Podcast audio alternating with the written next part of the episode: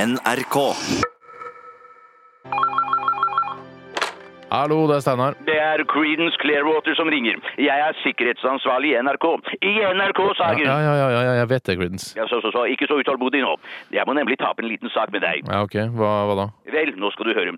Her om dagen hadde noen brutt seg inn i garderobeskapet til Dagsrevyens Einar Lunde og stjålet fotskammelen hans.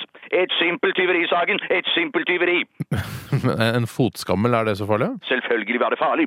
Man vil jo ikke bare høre Einar Lunde lese nyheten i Dagsrevyen, man vil også se ham.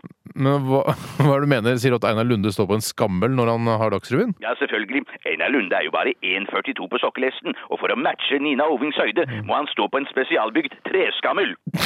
Einar Lunde er bare 1 meter og 42 centimeter. Men, men altså, fant du Einar Lundes eh, skammel, da, Ja, eller? ja, Ikke så fort, Sagen, ikke så fort. Først måtte jeg sikre åstedet. Så løp jeg opp på kontoret og hentet forstørrelsesglasset som jeg plasserte i brystlommen på min rutete ulldress. Så døpte jeg saken Operasjon Fotskammel, før jeg så satte opp veisperringer rundt hele NRK. Voldsomme greier. Det er veldig imponerende, Creedence. Hjertelig takk, Sagen, hjertelig takk. De første sporene kunne tyde på at innbruddet i Einar Lundes garderobeskap var blitt begått av folk utenfor NRK. Men så, litt utpå kvelden, stoppet jeg en blå jeep på vei inn til NRK, og i bilen satt det to kjente NRK-fjes, Sagen. To kjente NRK-fjes!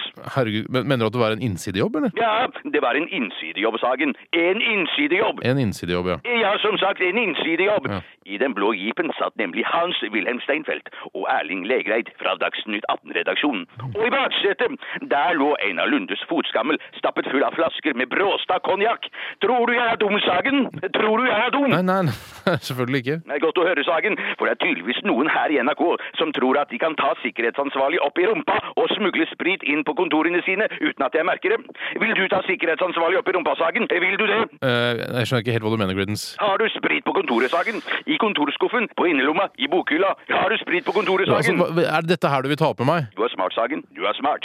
Som du sikkert vet, har rusutvalget i NRK innskjerpet alkoholreglene for de ansatte. Kunne du ikke bare, bare spurt med en gang da, om jeg har sprit på kontoret? Du unngår spørsmålet mitt, Sagen! Nei, jeg har ikke sprit på kontoret. Det var det hele. Vi snakkes forhåpentligvis aldri igjen.